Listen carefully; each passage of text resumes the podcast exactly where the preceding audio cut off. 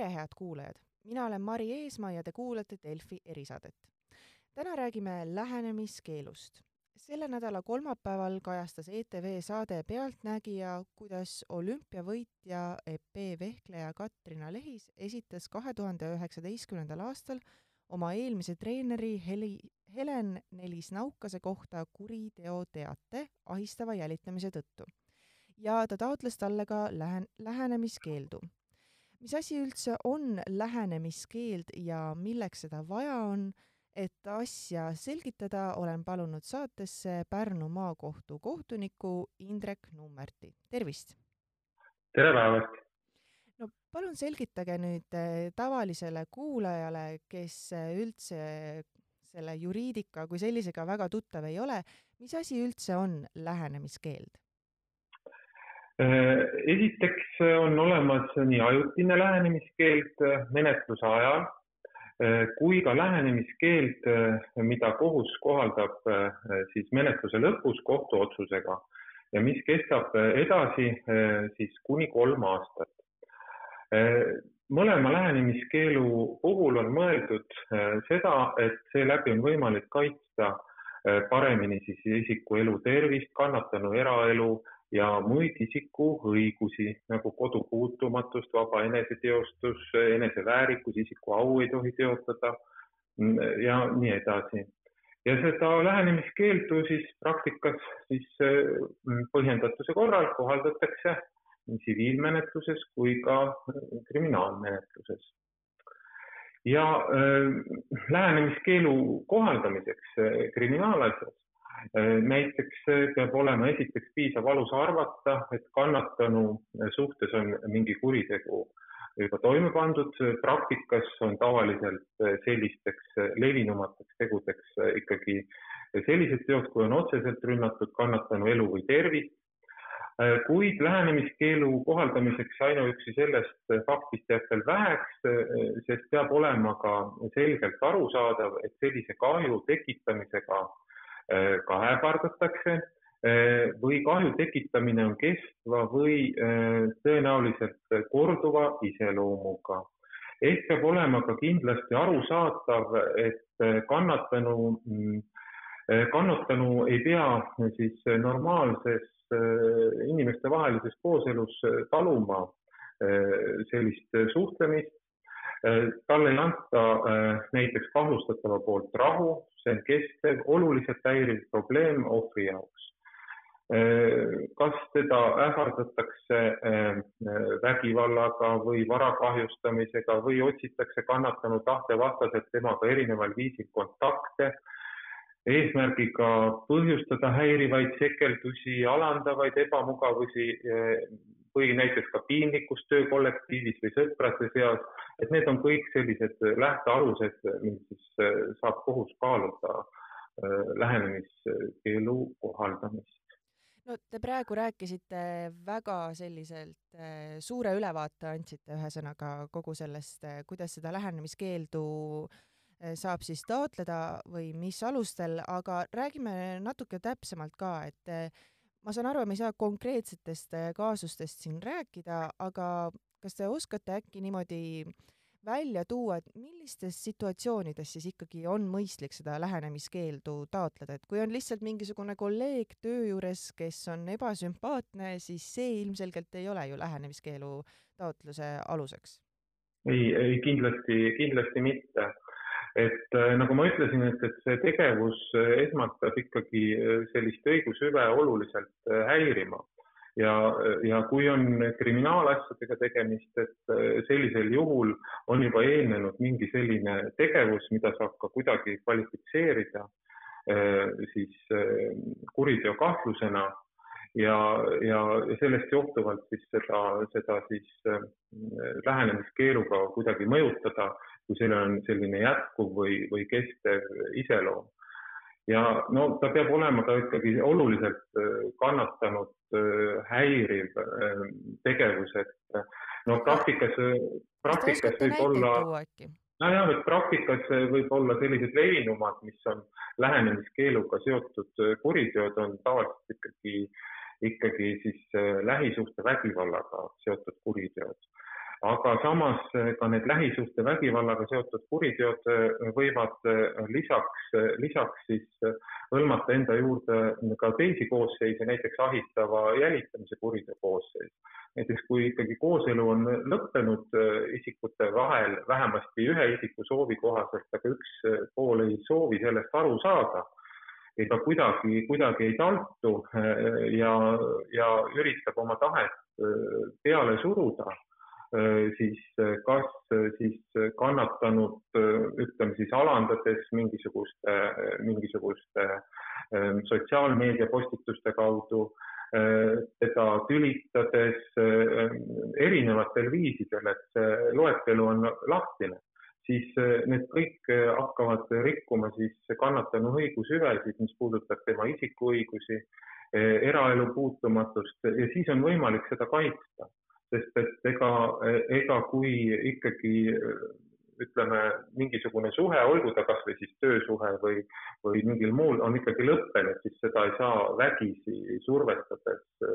survestades siis isiku tahte vastaselt siis või ka kättemaksuks teinekord, et teha isiku elu kibedaks ja ebamugavaks, et, et siis otsida selliseid, selliseid mooduseid, et, et seda seda ohvrit nii-öelda mõjutada eh, niimoodi, et siin võib olla kaks varianti, et, et kas kättemaksuks või siis teha ebamugavaks, eh, ebamugavaks, et suruda siis isikut enda tahtele alluma nii-öelda selle kaudu. et eh, see on praktikas variandid, et et äh, üldreeglina on jah, sellised, sellised, sellised teod, aga noh, neid võimalusi on ilmselgelt erinevaid, et, et kus seda lähenemiskeeldu saab, saab rakendada, et ilmselgelt on arusaadav, et mõistlikus inimestevahelises suhtlemises on ületatud selline punane, punane joon, et, et isik ei saa kuidagi teisiti enam rahulikku elu jätkata, ilma et siis õiguskaitseorganid Äh, talle appi ei tuleks ja need võimalused on seaduses siis ka loodud. kas ma saan teist õigesti aru, et äh, lähenemiskeeld ei pea olema ainuüksi füüsiline, et äh, see inimene siis, kellele see lähenemiskeeld on kohaldatud, et ta ei tohi talle siis kannatanule lähedale tulla, aga te mainisite ka sotsiaalmeedia postitusi. kas, kas seda siis saab ka piirata, et ära maini mind sotsiaalmeedia postitustes, ära kirjuta mulle sotsiaalmeedias? jaa, absoluutselt, et see on väga tüüpiline, tüüpiline siis nii-öelda kohtumäärus, mida siis taotletakse, sellepärast et Äh, et ähm, tavaliselt, kui sellised tülitamised äh, toimuvad, siis, siis need on ikkagi oluliselt häirivad ja, ja, ja, ja isikud, kes siis seda, seda teostavad, siis püüavad siis ilmselgelt siis äh, noh, hõlmata erinevaid võimalusi isikuga kontakti otsimiseks või tema, tema siis lähedastega kontakti otsimiseks ja, ja, ja kasvõi selle kaudu siis näiteks siis tõesti piinlikkust äh, justkui põhjustada siis, äh, siis äh, ohvris, et, et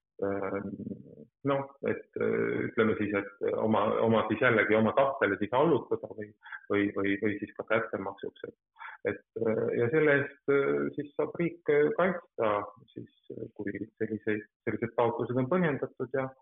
ja, ja, ja kohus saab selle siis ära reguleerida määrusega, et millised, millised tegevused äh, edaspidi on siis äh, sellel kahtlustataval piiratud. et kasvõi vajadusel meetri täpsusega, konkreetsete objektide üleslugemisega äh, või kellaajaliselt, kus keegi liikuda saab, et kõik sõltub juhtumi, juhtumipõhiselt aga kuidas siis ikkagi see lähenemiskeelu rakendamine reaalselt välja näeb ja see kannatanu kaitsmine, et ega see ei tähenda ju seda, et eh, kannatanul siis on mingisugune turvamees või mingisugune politseinik sealjuures, kes teda kaitseb või on ka selliseid juhte? Äh, no põhimõtteliselt äh, lähenemiskeelu äh, eesmärk on, on see, et on mingisugune konkreetne selline ohuhinnang, mida on võimalik siis tuvastada et, et see lähenemiskeeld on, sellest oleks abi. ehk teisisõnu, et üldreeglina ikkagi nende lähenemiskeeldude puhul on nii, et siis see kahtlustatav siiski taltub, kui ta saab teadlikuks, et hiljemalt siis kohtu eest läbi käies et, et see tegu, mis ta siis või kahtlustused selle kohta, mis on siis esitatud, on põhjendatud ja see on ebaseaduslik ja ta peab selle lõpetama. ja sinna juurde siis kohus alati selgitab ka seda, et, et kui siis ei juhinduta sellest, siis siis seaduses esineb siis selline ähvardus või hoiatus, et sellisel juhul on Äh, siis äh, see tegemist äh, kuriteoga, kui, kui siis seda lähenemiskeeldu ei täideta ja see võib ka siis praktikas viia kuni vahistamiseni. ehk teisisõnu, tegelikkuses sellest ähvardamisest üldreeglina peaks piisama ja, ja minu praktikas ma olen sellest muidugi aru saanud, et, et, et, et on tunda, et tegelikkuses, tegelikkuses isikud ei ole teadvustanud üldse endale veel, et selline, selline kuriteokoosseis nagu ka näiteks siis ahistav, ahistav jälitamine on olemas, et see on võrdlemisi, võrdlemisi ju tegelikult ka mitte, mitte ammu õigusruumi tulnud, siin kaks tuhat seitseteist on see säte jõustunud et, et üldreeglina inimesed ikkagi saavad aru siis selle kohtumenetluse kaudu, et, et tuleb hoiduda ja, ja juhul, kui seda ei tehta, siis asi läheb karmimaks. kui ma nüüd enne teist õigesti aru sain, siis lähenemiskeeldu võib mm, siis rakendada või kohaldada kuni kolmeks aastaks, aga mis saab siis, kui kolm aastat saab mööda ja see nii-öelda äh, inimene siis, kellele lähenemiskeeld on peale pandud, ei saa ikka aru, et temaga ei taheta suhelda ja ta püüab uuesti siis kannatanuga kontakti luua? no eks sellisel juhul, eks sellisel juhul uuesti tõusetub, tõusetub küsimus, kas ei ole uuesti asutud toime panema siis kuritegu, mis on siis ahistav jälitamine ja, ja selle käigus on uuesti võimalik siis kohaldada, kohaldada meetmeid ja ja kui, kuivõrd lähenem, lähenemiskeelu puhul on võimalik seda äh, mitte ainult kohtu lõpliku otsusena, vaid kui ikkagi nii-öelda õigus ja õiglus ei kannata oodata, siis on võimalik seda juba menetluse ajal äh, juba rakendada. nii et, äh, et põhimõtteliselt, põhimõtteliselt siis saab kiiresti sekkutud riigi poolt, et need kõik meetmed on, meetmed on loodud ja siis saab kaaluda, kas on vajalik uuesti lähenemiskeeldu kohaldada või juba tuleks kaaluda juba nii-öelda rangemat rohtu, et kui ikka, ikka varasemad leebemad meetmed ei ole aidanud ja lisaks ka veel karistus ei ole aidanud ja karistus ju võiks ka ikkagi olla selline motiveeriv Äh, eripreventiivne äh, ehk siis isikust tulenevalt süü alusel selline karistus, et, et kui see pärast kolm aastat mööda saab, et isik ikkagi reaalselt tajub, et, et, et sedasama teed ei ole mõtet jätkata. kui see kõik kogumis on, kõik on äh, hästi tehtud, siis võib ikkagi loota, et, et need tegevused edaspidi ei kordu, aga kui ikkagi korduvad, siis on ka selle vastu rohtu olemas ja, ja, ja kriminaalmenetluses tagamise vahendid kõik olemas, et see asi kui nii-öelda uuele ringile jälle läheb. no te ise ütlesite ka, et see ahistav äh, jälitamine on äh, meil üsnagi uus ähm, kuidas siis öelda, paragrahv äh, või, või seadusepügal. kas te oskate öelda, kui sage on üldse Eestis lähenemiskeelu määramine? no mina võin rääkida üksnes siis sellest Pärnu maakohtus, kui, kui sage siin Pärnu maakohtus on olnud see, et, et äh, meie kohtupiirkonnas, et äh, ma isegi, isegi siin vaatasin neid andmeid, et äh, näiteks viimase viie aasta jooksul on näiteks Pärnu maakohtus kriminaalasjades kohaldanud lähenemiskeeldu viiekümne ühel korral ja tsiviilasjades kolmekümne neljal korral. Ja sellel aastal näiteks kriminaalasjades on juba kohaldatud kaheteistkümnel korral ja tsiviilasjades kuuel korral. Et see on siis ainuüksi siis meie, meie Pärnu maakohtu praktika baasilt, et ikka tuleb ette ja, ja kui on ikkagi alused olemas, siis, siis seda, seda ka kohaldatakse.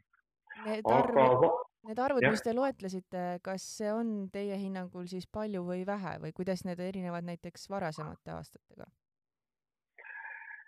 no siit aastate lõikes võiks öelda seda, et mm, näiteks kui kaks tuhat, kahe tuhande viiendal ja kahe tuhande seitsmeteistkümnendal aastal oli ainult viis ja kuus sellist asja, siis kaks tuhat kaheksateist oli viisteist asja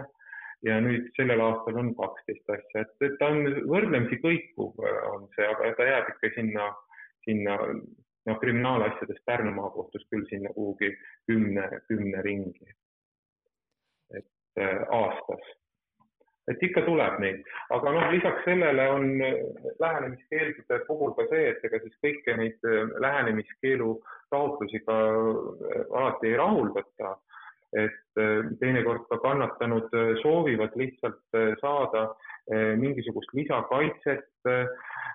kuigi tegelikult ei ole sellist ähvardavat ega kestvat iseloomu sellel õigusvastasel käitumisel üldse ja sellisel juhul on tegemist äh, tegelikkuses rohkem sellist psühholoogilist tuge vajava äh, kannatanuga ja selle jaoks on hoopis teised meetmed nagu tugiisikud ja ja, ja psühholoogid, äh, siis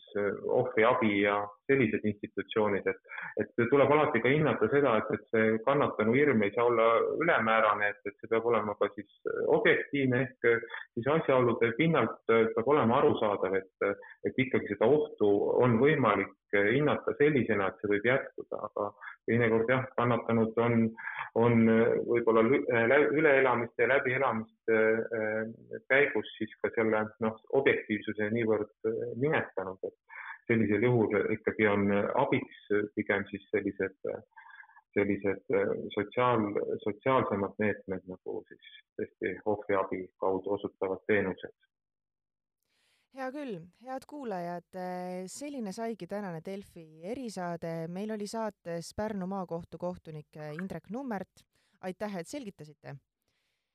Mm, kõike head. ja aitäh ka teile, kuulajad, ja kuulmiseni